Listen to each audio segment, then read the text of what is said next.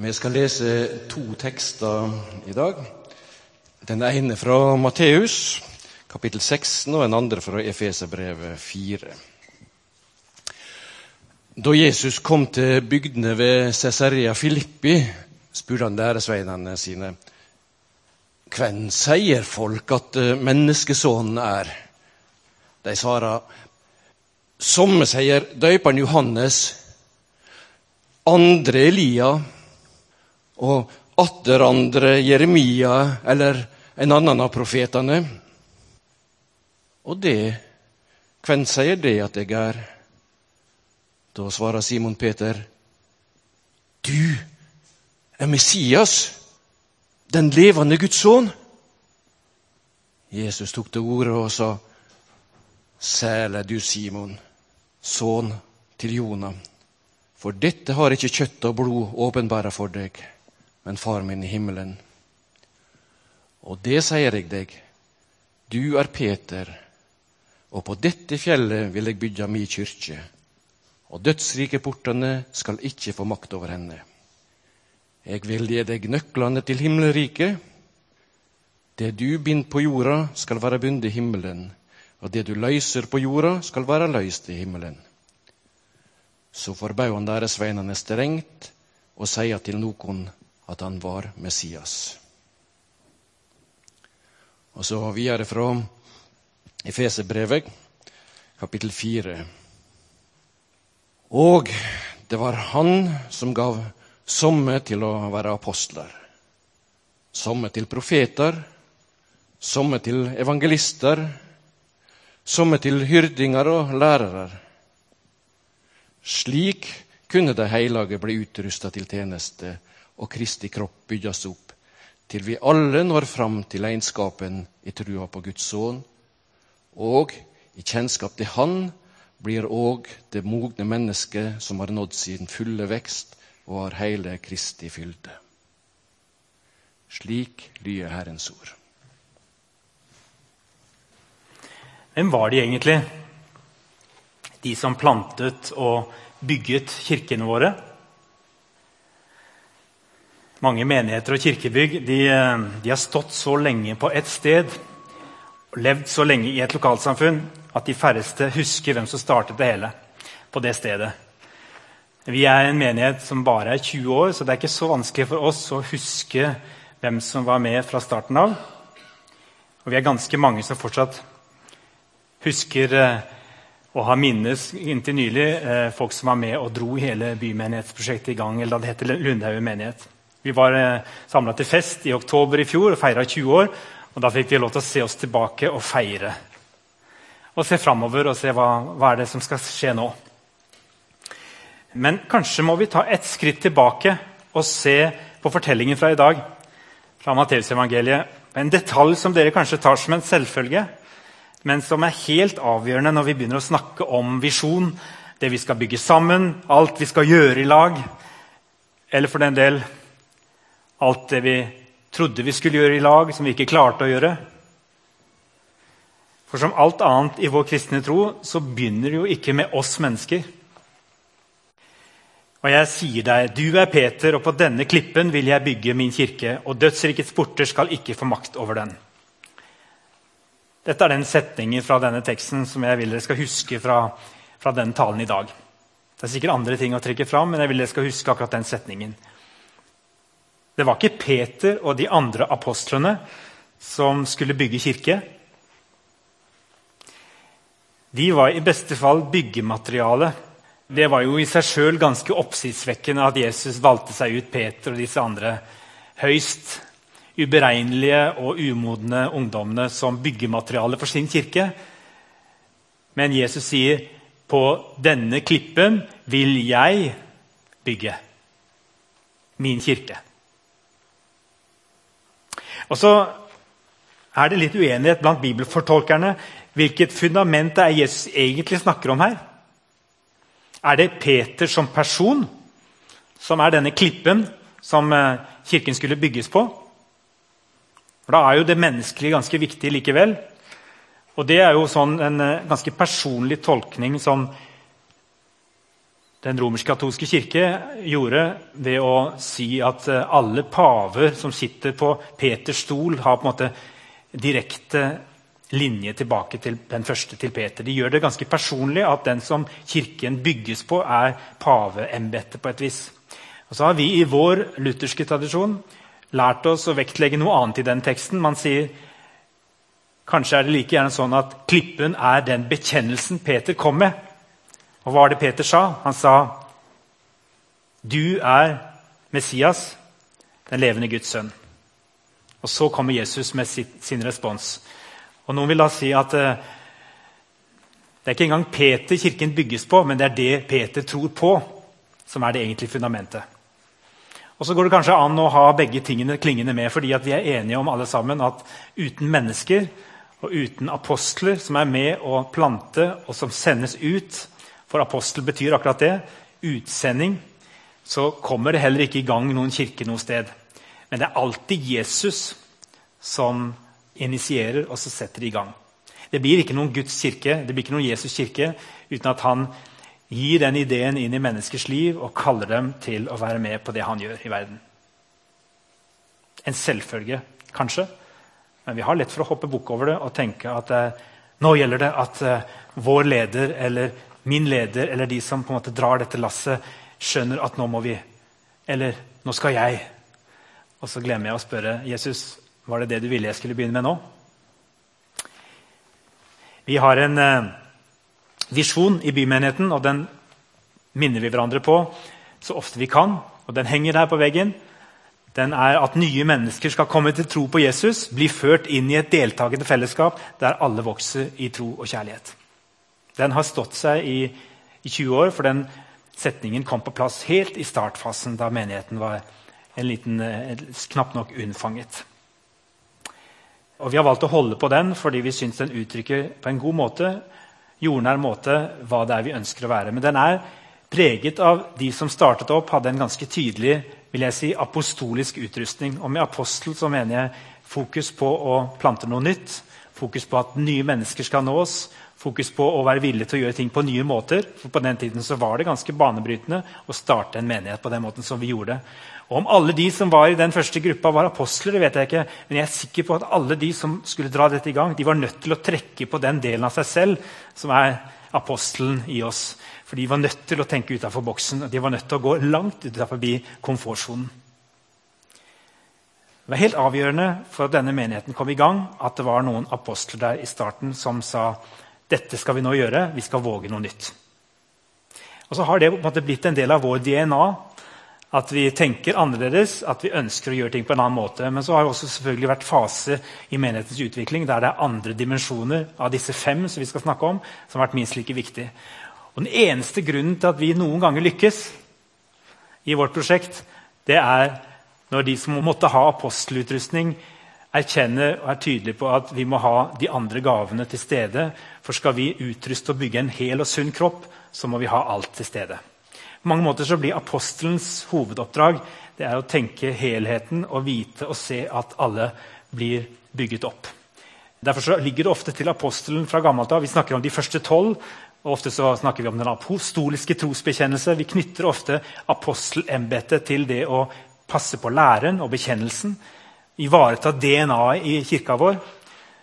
Og Kanskje veldig lenge så ble det for mye det vi snakket om, at det handlet om det å på en måte stå støtt i læren og vokte om læren. og Det kunne bli noe litt statisk i det. I de senere år så har vi henta fram den andre dimensjonen ved apostelen til alle tider, som er den dynamiske, den som vil gå videre. Fordi I vår europeiske sammenheng nå, og i vår norske sammenheng så er vi bare nødt til å trekke fram den dimensjonen ved å være kirke og være apostler. Vi kan ikke bare bevare det vi har hatt. Vi må være villige til å gjøre nye ting og være gründere. Så banebrytende er et av de stikkordene som vi har valgt å liksom gi apostelen. når vi skal forklare den. Og Så er det fire andre som vi skal komme tilbake til de neste ukene. Det er tydelig profet. Det er eh, gjestfri evangelist. Det er omsorgsfull hyrde. Og det er utrustende lærer. Og De første gründerne som starta vår menighet, de var nettopp veldig opptatt av at Vi har allerede disse ressursene iblant oss. Vi må hente dem fram. Og så satte man ikke bare inn disse funksjonene, men man var opptatt av at dette kan også deles opp i ja, sikkert over 30 nådegaver. Og Det var et veldig flott trøkk i bymenigheten helt fra starten av med at eh, alle nådegavene skulle være i funksjon. Og Vi skulle ikke først og fremst se etter behovene vi hadde, men vi skulle se etter de ressursene vi hadde, for vi trodde at kallet til å være kirke lå allerede i huset, i de menneskene Gud hadde gitt oss. Noen skulle utrustes videre av lærerne til å gå i en retning, men mange hadde det allerede, og det var å ta det i bruk. Dette er gullet i vår menighet. Jeg ønsker at det fortsatt skal være sånn. Og derfor setter vi fokus på dette nå utover høsten. For enkelhets skyld så snakker vi om disse fem. Det går selvfølgelig an å dele dem opp i mange underfunksjoner. Men vi har en tanke i denne temaserien om at ikke bare i menigheten, men at i hele samfunnet og i skaperverket så er det mulig å se disse fem grunntrekkene i en organisasjon eller et lokalsamfunn som skal fungere. Da må vi ta ned litt disse veldig åndelige ordene apostel, profet, evangelist. De skal være der, de òg, men vi må på en måte også alminneliggjøre de litt. Hvis vi skal se at dette ligger som grunntrekk i skaperverket og i lokalsamfunnet når et lokalsamfunn fungerer. Så det skal vi på en måte dekode litt både gjennom podkast, gjennom arbeid i cellegrupper og her på gudstjenestene. Men litt mer om vår menighet, for jeg skal ha en prat med en som jeg tror har apostelutrustning. Når du kommer inn i et menighetsråd, forresten, så er man nødt til å strekke seg mot apostelen i seg. Det kan være ganske utfordrende å bli valgt inn i et menighetsråd. for Plutselig må man ta, ta hensyn til å tenke helhet og ta ansvar for strategi. og Det er ikke alle som syns det er så enkelt. Vi kan heldigvis ivareta ulike funksjoner også i et menighetsråd, men noe av det menighetsrådet måtte i gang med med en gang de ble valgt inn, det var å tenke strategi for de neste fire årene. og Det er typisk aposteloppgaver. Men de, vi har en som er veldig flink til å lytte, som leder. og Noe av det første han sa, var at dette finner ikke vi ut av sjøl. Så han gikk i gang med dialogsamtaler Henry Ove, etter jul og hatt samtaler med ganske mange av dere på disse samlingene vi hadde nede på Lundgeilen. Og Med utgangspunkt i en del av det som kom fram en av disse kveldene vi hadde med dialogsamtaler, så har vi begynt å forme en slags strategi. og Noe av det er veldig konkret, helt nedpå. Noe av det har vi allerede nådd fram til sommeren. Og noe av det er litt sånn, mer som et slags framtidsbilde med utgangspunkt i visjonen vår som står fast.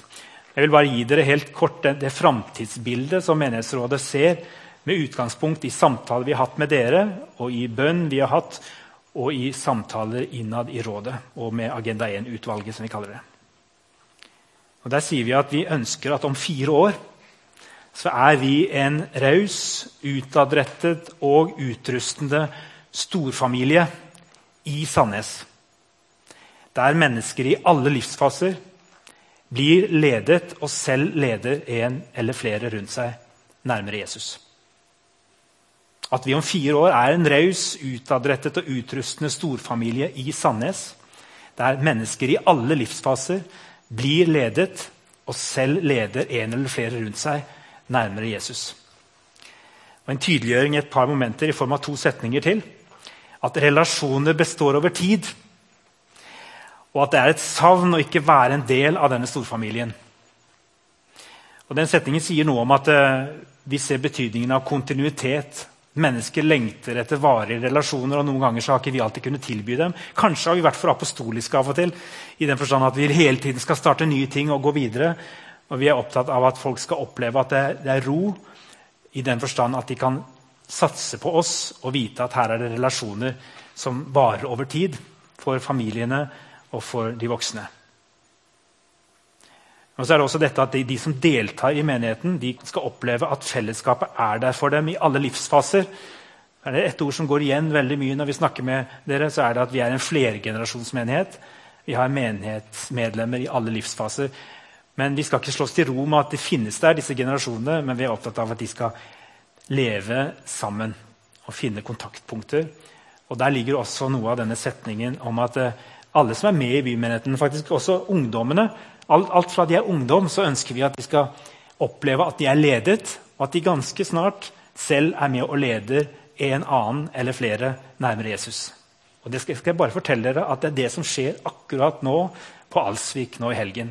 Det er få steder jeg ser denne visjonen leve så godt som i ungdomsarbeidet vårt. De lederne som vi har jobbet med over tid, og som er dratt med ut på konfirmantsamlingene nå i helgen, det er folk som relativt nettopp har funnet fram til en relativt trygg tro. Allerede nå så utfordres de av Ariani og Raymond og disse andre til å se noen andre rundt seg og lede dem. Og jeg tror det gjelder for oss alle sammen, for vi er alle sammen ledere for noen. Det ligger jo til noe av dette femfoldige at vi har noen styrker i oss selv. Og så står det altså i denne teksten at poenget med disse forskjellige funksjonene det er at de er der for å utruste de hellige til tjeneste, så Kristi kropp bygges opp. Inntil vi alle når fram til enheten i troen på Guds sønn og i kjennskapet til ham og blir det modne mennesket som er fullvoksent og har hele Kristi fylde. Det handler rett og slett om at Jesus ser sånn ut som dette femfoldige. Og når vi blir mer og mer lik han, så strekker vi oss og utruster hverandre i disse forskjellige funksjonene og utrustningene. Sigbjørn, du har ledet oss gjennom gudstjenesten og står ofte her på plattformen. Mange av dere kjenner han som fysioterapeut eller bruker han kanskje som fysioterapeut. Han har skrevet bøker. Han har vært en kristen i mange år, helt siden han var ungdom. Han, men med en gang jeg ble kjent med Sigbjørn og i samtale med han, så merker jeg en, en form for sånn framoverlent lederskap. Jeg vil gjerne se noe skje. Jeg vil gjerne være med å forandre. Det er litt vanskelig ofte å ta det ordet i sin munn at jeg har en apostolisk utrustning. For mange av oss vil tenke da må du jo i hvert fall da må du i hvert fall plante en ny menighet. eller et eller annet sånt, eller Da er du en svær, stor og viktig leder. Men apostel kan vi snakke om i alle forskjellige nivåer. Og Sigbjørn har levd i flere av disse nivåene. Derfor hadde jeg lyst til å snakke litt med deg nå om det. Og Da vi begynner litt sånn uortodoks kanskje for noen. Vi begynner med arbeidsplassen din. Hvordan opplever du, Har du opplevd eksempler på at femfoldige, i hvert fall noe av det femfoldige lever på din arbeidsplass? Si litt om den. Altså, eh, Jeg jobber jo på en fysioklinikk der vi har et lederteam som er utrolig forskjellige. Og jeg har, eh, av og til så har jeg liksom, og Vi har jo hatt våre konfrontasjoner opp gjennom, og jeg har liksom noen ganger lurt kan dette fungere. Kan, kan det her gå, liksom? Mm. Og så hadde vi besøk av uh, Jan Torland for noen år siden, som er leder i Ungdom i oppdrag. og Han hadde et seminar for oss om den femfoldige tjenesten i, type, i bedriftsverden. Da, som personligheter i bedriften, ut ifra Efeserne 4.11. Og, og, det gjorde faktisk noe med, med oss. Altså. Det skapte en sånn oppmuntringskultur der vi så styrkene i hverandre, og der vi følte oss mindre trua. Og det var et lite vendepunkt der. Tør du å gi et konkret eksempel? Ja, jeg kan jo bare nevne litt hvordan han nevnte det med de forskjellige gavene først. med at Apostel var liksom litt mer den her typen som setter en retning, starter prosjekter, kommer fort i gang med ting. Litt for fort for de andre, som gjerne ikke har kommet ned fra siste fjelltopp før du er på neste. liksom. Så utfordringen er liksom det å ikke ta den prosessen for raskt. Mens du har gjerne profeten i bedriftssammenhengen som gjerne er mer konsekvenstenkeren, troubleshooteren. Liksom, og liksom Dette må vi ta tak i. Dette er ikke bra men som kanskje kan fort bli litt negativ. Og så har du læreren som gjerne er mer fagnerden, men som gjerne blir opptenkt i detaljer. Og så hadde du hyrden som vil at alle skal ha det bra, men som gjerne blir litt for det er litt i lengden òg at det blir kanskje for mye omsorg. Det blir for mye det gode. Sier apostelen. Ja, og opptatt av veldig vedlikehold og administrasjon, at alt skal fungere. og de tingene mm. Du glemte én. Eh, ja, hva, hva mangler vi? Den gjestfrie evangelisten. Evangelisten, ja. Selgeren som på en måte, når han har solgt det han har, så mister han interessen og har ikke giddet å følge opp. Mm.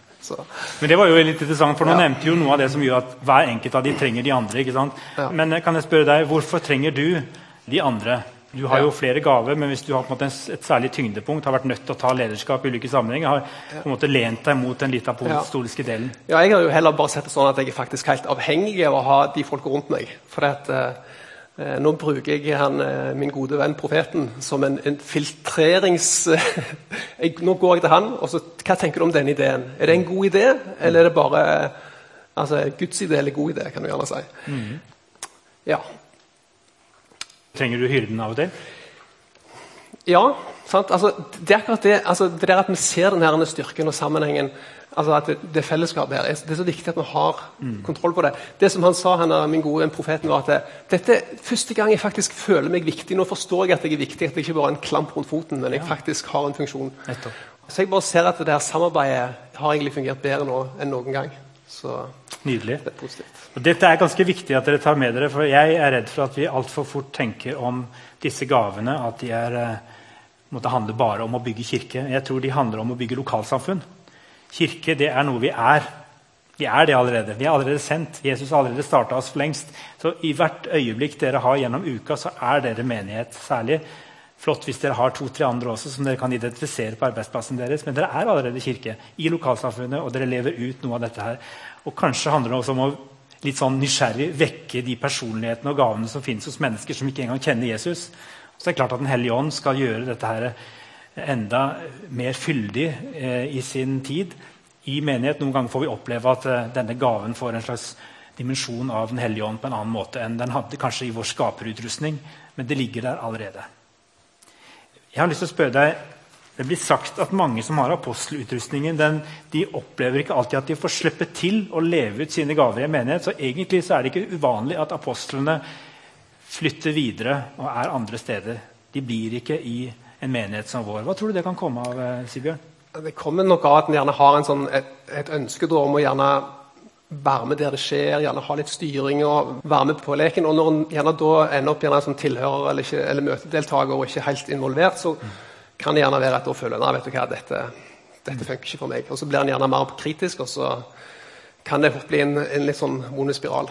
Men er det ikke noe menigheten også kan gjøre noe med? Jo da, og jeg har veldig tro på det at et menighetslederteam eller et lederteam uansett hvor vi er, så er det så viktig at vi fokuset er at vi får andre til å blomstre. Altså At det ikke handler om gjerne meg sjøl, men kan vi få de rundt oss til å blomstre, da har vi lykkes. Der en ikke er trua av forskjelligheter, men en faktisk kan bruke de styrkene og se at ok, det handler faktisk om å bygge Guds menighet. Det handler ikke om å bygge mitt rike, men det handler om å bygge Guds rike. Det handler ikke om meg, det handler om Han. Mm. Og det handler om å se at Guds rike går fram på den måten der. Og uh, Dette kan du da ta ned i en, i en husgruppe, kan du ikke det? Mm. Du kan ta det ned i tjenesten ja. med å lede lovsang, ja. eller tjenesten med for å være koordinator for, for, gudstjeneste. Kan du ha disse funksjonene ja. i, i, alle sammenhenger? Ja, Da får du en blomstringsplass for de rundt deg, og da er du litt fri fra deg sjøl. Mm. Og det er en herlig følelse å være fri fra deg sjøl når fokuset er hva kan folk rundt meg få oppleve med Gud? Hvordan kan de blomstre? Til slutt, du sa til meg forrige dagen at det å si at vi har den eller den gaven, utrustningen eller personligheten, må aldri bli en unnskyldning for ikke å strekke seg mot fylden i Jesus. Omtrent sånn, sånn sa du Hva mente du med det? Altså, jeg tenker litt det der med å vi skal være veldig forsiktige med å sette hverandre i boks. og liksom, Du er der, og du er der, og du, that's it for the rest of your life. Jeg tror at vi har litt av alle ting. Og jeg tror at vi kan, sånn som du sa, med fylden av Jesus i oss Altså, Jesus hadde jo alt. Og når Jesus er i oss, så kan vi også strekke oss etter alt. Vi kan søke alle gavene. Mm. Så hvorfor ikke hvorfor slå seg til ro med én ting? Altså, vi har, vi har, på en måte Jesus på innsida av oss. Mm. Og jeg tenker at uh, når vi er i hans nærvær, når vi bruker tid med han, når vi blir kjent med han, så blir vi forvandla til hans likhet. Og sånn som han i denne verden, sånn er vi. Sånn at vi kan ta med oss det at uh, vi trenger ikke nødvendigvis være i en bås, men vi kan faktisk ha alt. Vi kan søke alt. Vi kan være i utvikling. Litt kan vi fokusere på, litt kan vi tenke på hvordan Gud virker i oss. Da mm. Takk skal du ha, Sigbjørn. Skal vi be. Kjære himmelske Far. Takk for at du har kalt både apostler, både banebrytende apostler og tydelige profeter og gjestfrie evangelister og omsorgsfulle hyrder og utrustende lærere i vår menighet. Jeg ber om at hver enkelt som kjenner at de dras i den ene eller andre retningen, og kan kjenne seg fortrolig med noen av disse her kjennetegnene, at de ser sin plass i å være med og utruste hverandre. Bygge opp din kropp, som det står. Utrust de hellige til tjeneste, så Kristi kropp bygges opp. Jeg ber her om at vi alle kan nå fram til enheten i troen på din sønn, kjennskapet til ham. At vi alle får lov til å bli det modne mennesket som er fullvoksent og har hele Kristi fylde. I Jesu navn. Amen. Amen.